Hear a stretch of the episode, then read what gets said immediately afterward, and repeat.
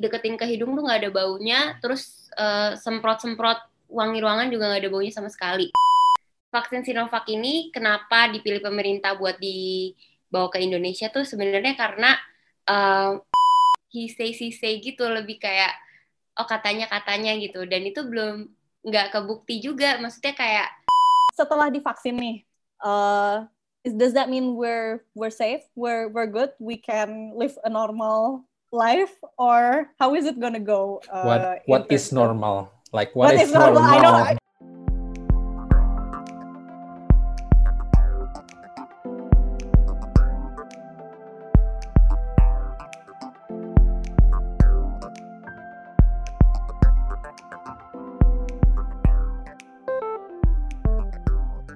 bagi suara. Balik lagi di bagi suara di episode kali ini um, gue dan uh, Sismita. Ya dia di ya, mute. halo. oh ya uh, gue dan Sismita kebetulan kedatangan um, teman yang um, apa ya ya dia mau sharing hal-hal yang terkait uh, dengan pandemi ini. Gitu dan juga karena mungkin eh, karena dia juga um, sedang uh, mengalami um, ya nyebutnya apa sih? Mengalami covid enggak ya sorry banget nih gue kayak nggak tahu nyebutnya apa. Penderita covid. oh iya. Ya. Ayo, uh, surviving ya. surviving ya. covid. Ya ya sur, uh, survivor covid gitu. Um, di sini ada Febrina. Hai Feb. Halo. Kalau gue nanya apa kabar tuh kayak agak nggak pas ya konteksnya untuk di sini gitu. Um, oke. Okay. um, ya mungkin boleh cerita sedikit juga gitu tentang um, siapa sih Febrina Sugianto ini? Halo, namaku Febrina Sugianto, uh, hmm. 26 tahun, hmm. uh, dokter profesinya, hmm. lulusan dari uh, UI, FKUI, terus uh, sebelumnya juga sempat kuliah di University of Melbourne. Terus udah mulai kerja dari tahun 2019, itu mulai internship di Banyuwangi, terus baru pindah ke Jakarta lagi bulan um, Agustus ya hmm. bulan Agustus 2020 terus langsung uh, placement di rumah sakit di Jakarta. Okay. Ya. Dan kamu saat ini sedang menjalani. Terus sempat gue, gue bingung apa apa sih nyebutnya kayak how do you call it kayak menderita COVID kah menderita. atau apa? Iya menderita boleh menderita COVID. Oke. Okay. Belum jadi penyintas. Belum oh iya, oke okay, oke. Okay. Sedang masih belum negatif um, untuk hasil tesnya gitu. Mungkin uh, boleh cerita sedikit kayak walaupun tadi kita di belakang udah ngomong tapi kayak boleh ceritain sedikit gitu um, gimana sih um, kamu pertama kali didiagnosis dan seterusnya gitu. Jadi uh, sebenarnya emang kalau uh, kalau aku tuh emang uh, swabnya rutin rutin sendiri gitu. Maksudnya kayak ada yang dapat dari rumah sakit, ada yang uh, dengan kesadaran sendiri. Jadi dari awal mulai kerja di Jakarta itu mulai bulan uh, Oktober mulai kerja yang intensif uh, itu sekitar 12 kali swab udah. Terus uh, jadi sebelumnya itu pas tanggal 14 itu uh, abis ada tugas karena gue uh, aku juga kerja buat NGO kan hmm. uh, ada tugas di Sulawesi di Sulawesi Utara di Manado. Terus habis itu balik dari Manado itu tanggal 13, terus tanggal 14-nya langsung swab dan hasilnya negatif. Terus diulang lagi kan hmm. dalam uh, eh, 5 sampai 7 hari. Setelahnya tanggal 19 uh, eh, swab lagi hasilnya negatif. Terus tiba-tiba tanggal 23 uh, eh, muncul keluhan uh, batuk, pilek sama demam. Nah, gue mikir nih what are the odds of me hmm. get influenza padahal hmm. baru vaksin itu vaksin influenza itu baru bulan September. Okay. Dan ini kita lagi di tengah pandemi COVID-19. Udah yep. yakin hmm. nih pasti kayak, wah ini COVID nih, COVID. Hmm. Uh, langsung swab tanggal 24-nya, terus tanggal 25 pagi keluar hasilnya positif. Hmm, langsung okay. deh evakuasi diri. Oke. Okay. Tapi berarti itu baru apa namanya? Ya influenza aja ya. Uh, maksudnya kayak kan banyak yang ngalamin kayak kehilangan indera penciuman dan lain sebagainya. Berarti di awal yang when you uh, eh, self diagnose itu belum sampai kayak gitu ya? Belum. Jadi hmm. uh, tiga hari pertama itu keluhannya batuk, pilek, nyeri menelan, sama demam. Hmm. Terus mulai muncul gejala-gejala yang khas COVID banget itu hari keempat. Nah itu mulai muncul uh, anosmia sama ageusia. Jadi uh, ageusia itu artinya kehilangan fungsi pengecat kalau anosmia kehilangan fungsi penghidup jadi kayak uh, makan tuh bener-bener nggak ada rasa nggak ada bau kayak kopi tuh di di deketin ke hidung tuh nggak ada baunya terus uh, semprot-semprot wangi ruangan juga nggak ada baunya sama sekali. Terus rasa juga jadi kalau makan tuh rasanya cuman kayak tekstur sama anget sama dingin gitu doang yang kerasa. Hmm. jadi kayak waktu kemarin sempat pas pertama sakit langsung banyak yang kirimin makanan macem-macem nggak ada yang bisa dirasain sih itu bener-bener hilang. Itu Terus, jadi drop gak sih? Kayak jadi nggak nafsu makan gak sih? Nggak bisa rasain apa-apa? Uh, bener-bener uh, makannya buat survival aja gitu. Gue tuh suka banget makan ya, maksudnya kayak foodie pemakan, maksudnya kayak makannya banyak dan kayak suka banget makan. Tapi sejak waktu sakit itu baru kerasa tuh rasanya kalau makan nggak ada rasanya tuh gini gitu. Jadi kayak aneh banget semuanya rasanya teksturnya kayak uh, kan gue makan sop buntut ya jadi rasanya itu cuma kayak serat-serat terus sama anget gitu sama terus kayak nasinya kayak banyak gitu. Bingung banget nggak ada rasa apa-apa aja iya pasti sih. Pasti kayak otak kita udah terbiasa meregister rasa-rasa itu. Terus pas what you expect adalah rasa yang gurih asin terus gak ada. Oh so scary. Kayak sama deh gue sama lo kayak gue juga salah satu yang paling gue takutin kalau misalnya kenapa-napa tuh itu. Kayak ya ampun I like eating so much. Kalau gue nggak bisa rasain itu kayak buat apa? What's the point oke okay. um, tapi sekarang hmm. udah udah baik-baik aja udah jadi uh, beruntung banget itu karena mungkin langsung langsung rajin cuci hidung sama gargle kan nah itu cuma tujuh hari uh, anosmia sama agesianya itu jadi sekitar hari ke-10 tuh udah hilang semua. Terus um, udah tinggal batuk pilek aja sampai terakhir-terakhir. Nah, ya udah mendingan sih sekarang. Cuman waktu terakhir kemarin tanggal 7 Januari 2021 belum uh, hasilnya belum negatif. Masih Berarti positif. total udah kurang lebih tiga minggu ya tadi kalau nggak salah. Ya. Oke, okay. aduh lama juga ya. Tapi, Tapi Anda uh, beruntung nih, soalnya kalau orang lain tuh uh, banyak ya kalau gue baca dari studi ya. Jadi kalau yang hipoanosmia itu ke kehilangan fungsi penciuman itu bisa sampai 8 bulan kalau di pasien lain. Itu wow. Kasihan. Wah, gila sih. Cuma 7 hari, beneran cuma 7 hari. Oh my god, sampai 8 bulan. Oh, I didn't know that. Walaupun dia udah udah negatif, udah enggak. Jadi dia tuh kayak uh, karena kan oh. sebenarnya kalau kehilangan fungsi penciuman itu karena ada sel supporting cell, sel penyokong yang rusak di situ. Nah, ketika sel itu berhasil regenerasi, dia balik lagi fungsinya. Jadi bukan sarafnya yang rusak, oh, Jadi sel supporting cellnya. Nah, itu um, buat beberapa orang regenerasinya lambat. Gitu. Oke, okay, oke. Okay. Um, wow, baru tahu gue sebenarnya masih agak shock. Um, anyway, tapi uh, thank you banget tadi udah sharing juga. Kalau boleh tahu uh, juga nih buat yang dengerin sih info juga kan emang kamu uh, dokter nih, Feb.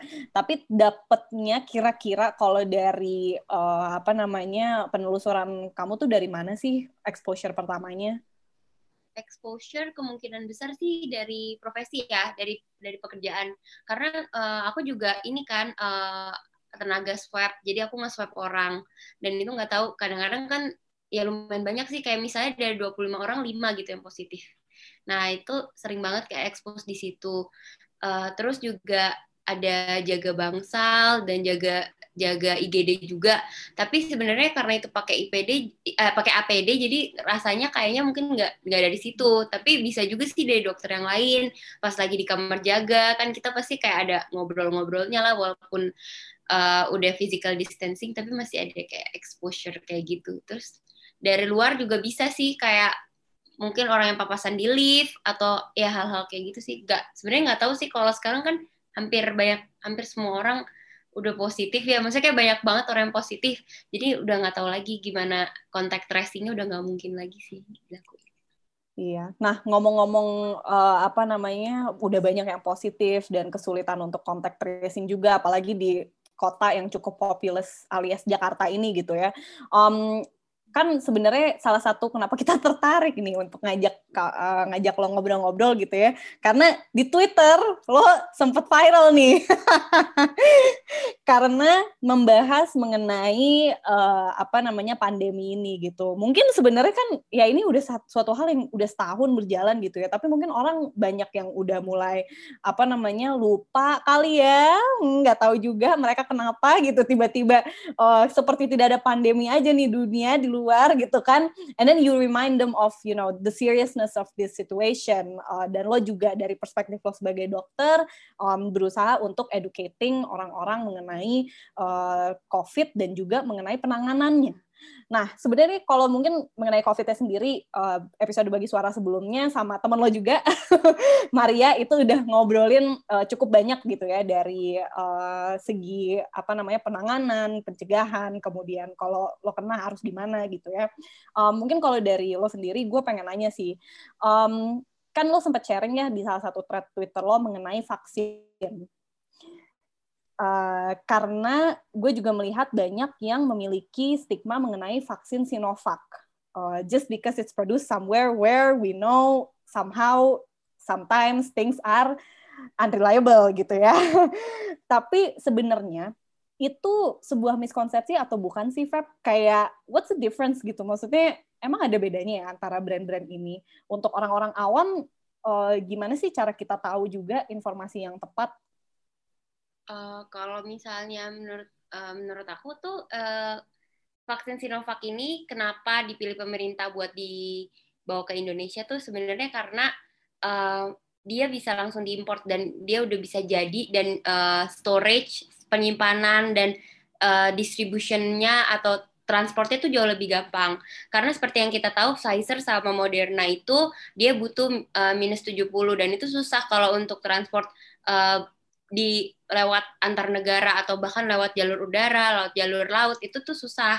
Sedang jadi tuh kalau eh, sejauh ini kalau memang kayak kayak misalnya di Malaysia sama Singapura tuh buat mereka untuk pengadaan Pfizer mereka emang me, mendirikan instalasinya gitu. Jadi emang mereka kayak mungkin bahannya nggak diimpor tapi uh, meraciknya atau membuatnya itu emang di dalam negerinya. Jadi kayak ada installationnya yang khusus banget buat bikin uh, vaksin ini tuh. Nah, sedangkan kalau Sinovac ini lebih gampang di uh, transport dan dia jadi jadinya tuh lebih uh, untuk distribusinya apalagi Indonesia kan negara kepulauan. Kita ada 17.000 pulau. Buat distribusi yang merata itu dibutuhkan transport yang lebih visible gitu dan Sinovac ini dinilai lebih visible dibanding dengan uh, dua option lainnya. Dan emang Pfizer sama Moderna nanti mau diadakan, cuman menurut prediksi masih akhir tahun 2021. Nah, untuk informasinya sendiri, uh, aku menyaran, menyarankan kalau mau baca tuh baca dari uh, reliable source. Kalau misalnya yang aku sarankan itu kalau nggak dari uh, website dari pemerintah atau websitenya Satgas COVID atau kayak seba, uh, sebaran dari uh, sosial medianya pemerintah ataupun jurnal-jurnal uh, yang reliable kayak dari NCBI, dari Nature. Maksudnya yang jelas uh, dari mana asalnya, jangan percaya kayak uh, broadcast di grup WA kayak gitu. Even kayak uh, nyokap gue sendiri yang dokter itu masih suka kayak B ini bener nggak? Ini bener nggak kayak gitu? Maksudnya kayak masih kagocek gitu loh. Jadi kayak beneran harus uh, pinter-pinter memfilter kayak gitu. Oke, oke. Nah, berarti sebenarnya balik lagi ke tadi ya sedikit apa namanya penjelasan lo dan pertanyaan gue. Berarti sebenarnya antara brand ini there's not really any difference, right? Oh, ada perbedaannya. Jadi kalau kalau uh, kalau mau uh, kalau Sinovac sendiri itu dari dari virus yang dilemahkan kan. Jadi jadi dia tuh nggak nggak dalam keadaan hidup dan dia nggak pakai mRNA kayak yang uh, the other two gitu kan. Jadi makanya storage-nya dia bisa hanya di kulkas biasa yang minus tiga minus empat kayak gitu. Oke. Okay. Nah, uh, implikasinya apa terhadap efficacy of this vaccine itself?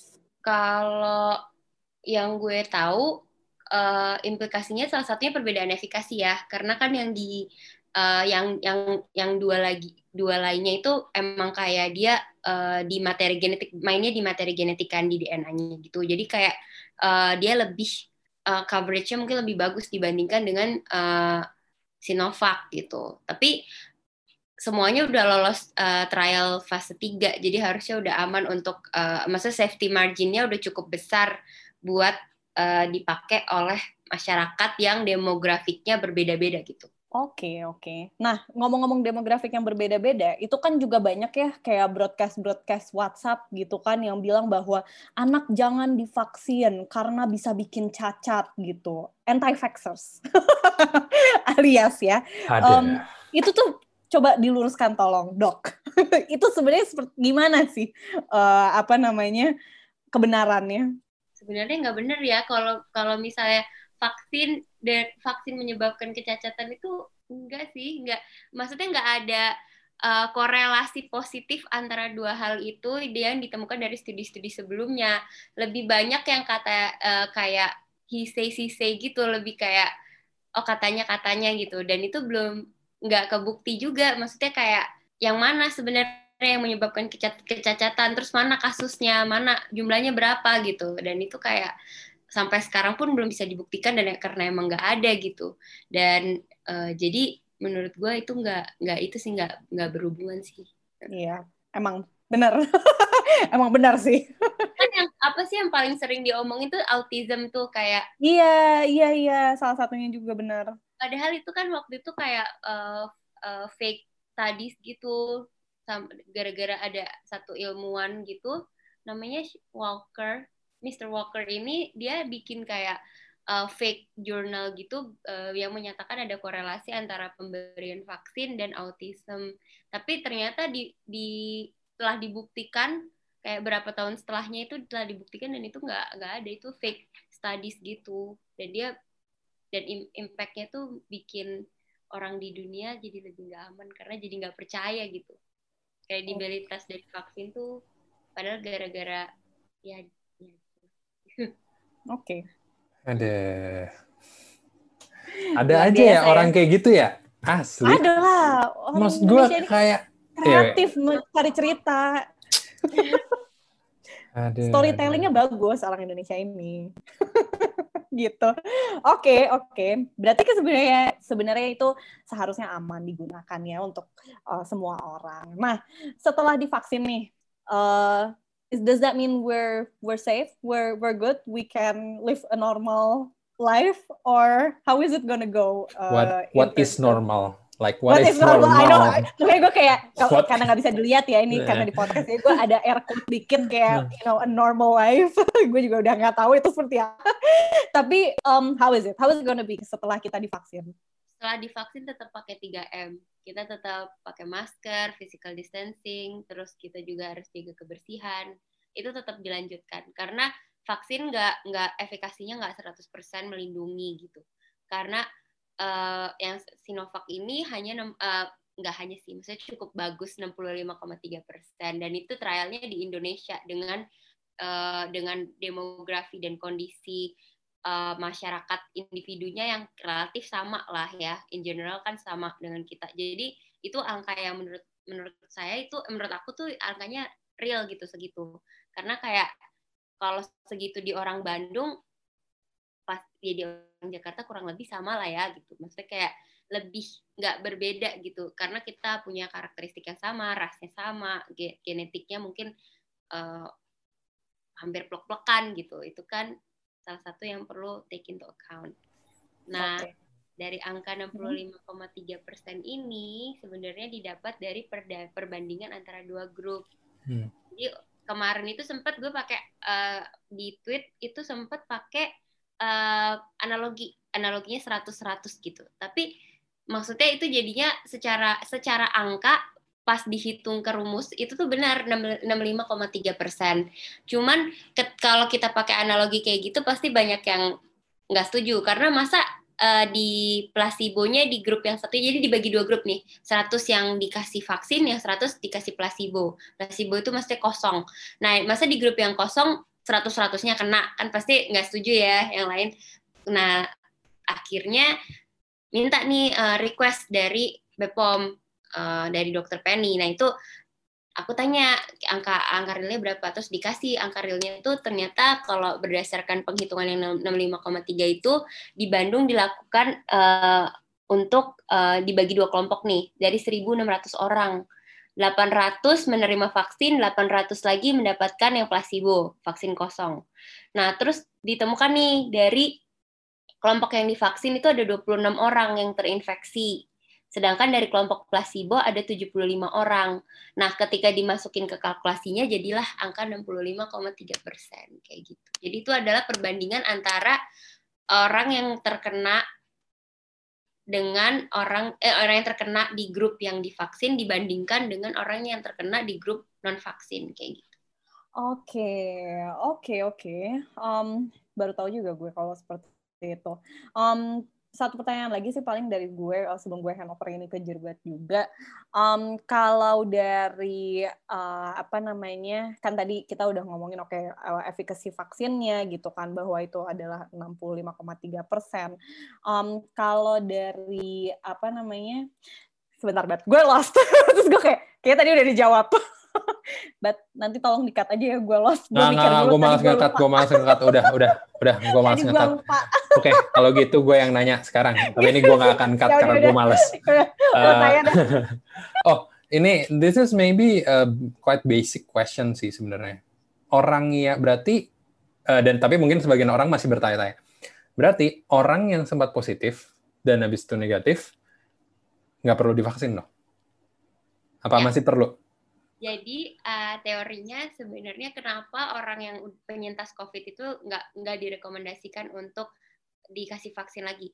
Karena berdasarkan studinya antibodi yang dihasilkan dari orang yang uh, pernah mengalami infeksi COVID-19 dibandingkan dengan antibodi yang dihasilkan dari pemberian vaksin atau dari vaksinasi itu lebih tinggi orang yang penyintas gitu. Jadi si penyintas ini punya lebih lebih tinggi antibodinya dibandingkan yang uh, divaksin. Jadi sebenarnya kalau dikasih vaksin lagi, jadi relatif useless gitu, agak uh, relatif useless lebih baik diberikan kepada orang yang belum belum pernah ya, ya.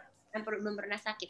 Tapi uh, antibody itu hilang setelah 3 sampai 12 bulan. Kemarin uh, gue pas banget gue habis habis uh, lihat uh, webinarnya Prof Erlina Burhan itu Hmm. Terus dia bilang kalau antibodi itu hilang dalam 3 sampai 12 bulan tergantung individunya gitu.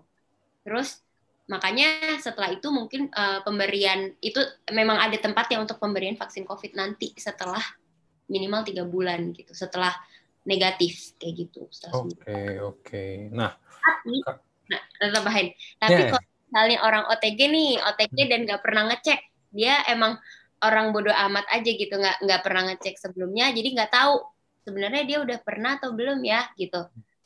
Ya nggak apa-apa divaksin aja aman kok. Oke oke oke oke.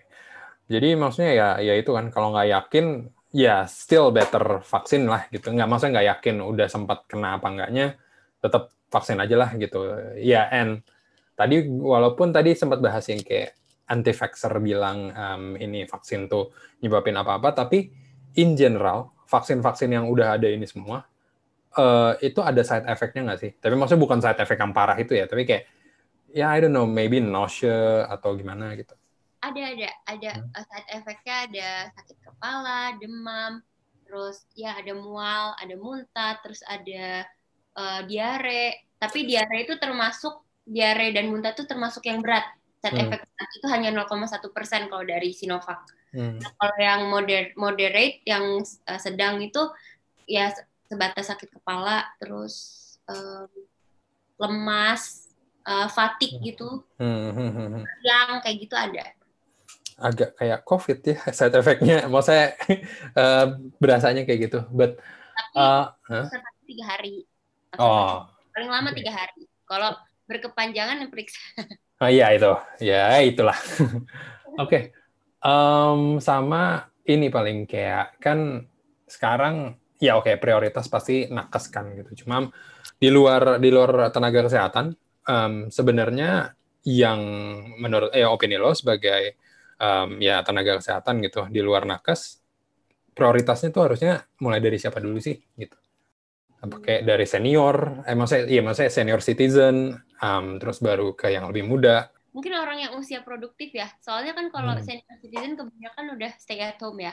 Hmm. Nah, kan yang masih lalu lalang ini yang usia produktif, yang masih WF WFO gitu kan. Hmm. Nah, ini mereka justru yang berpotensi untuk menularkan ke senior citizen yang tinggal bareng mereka gitu.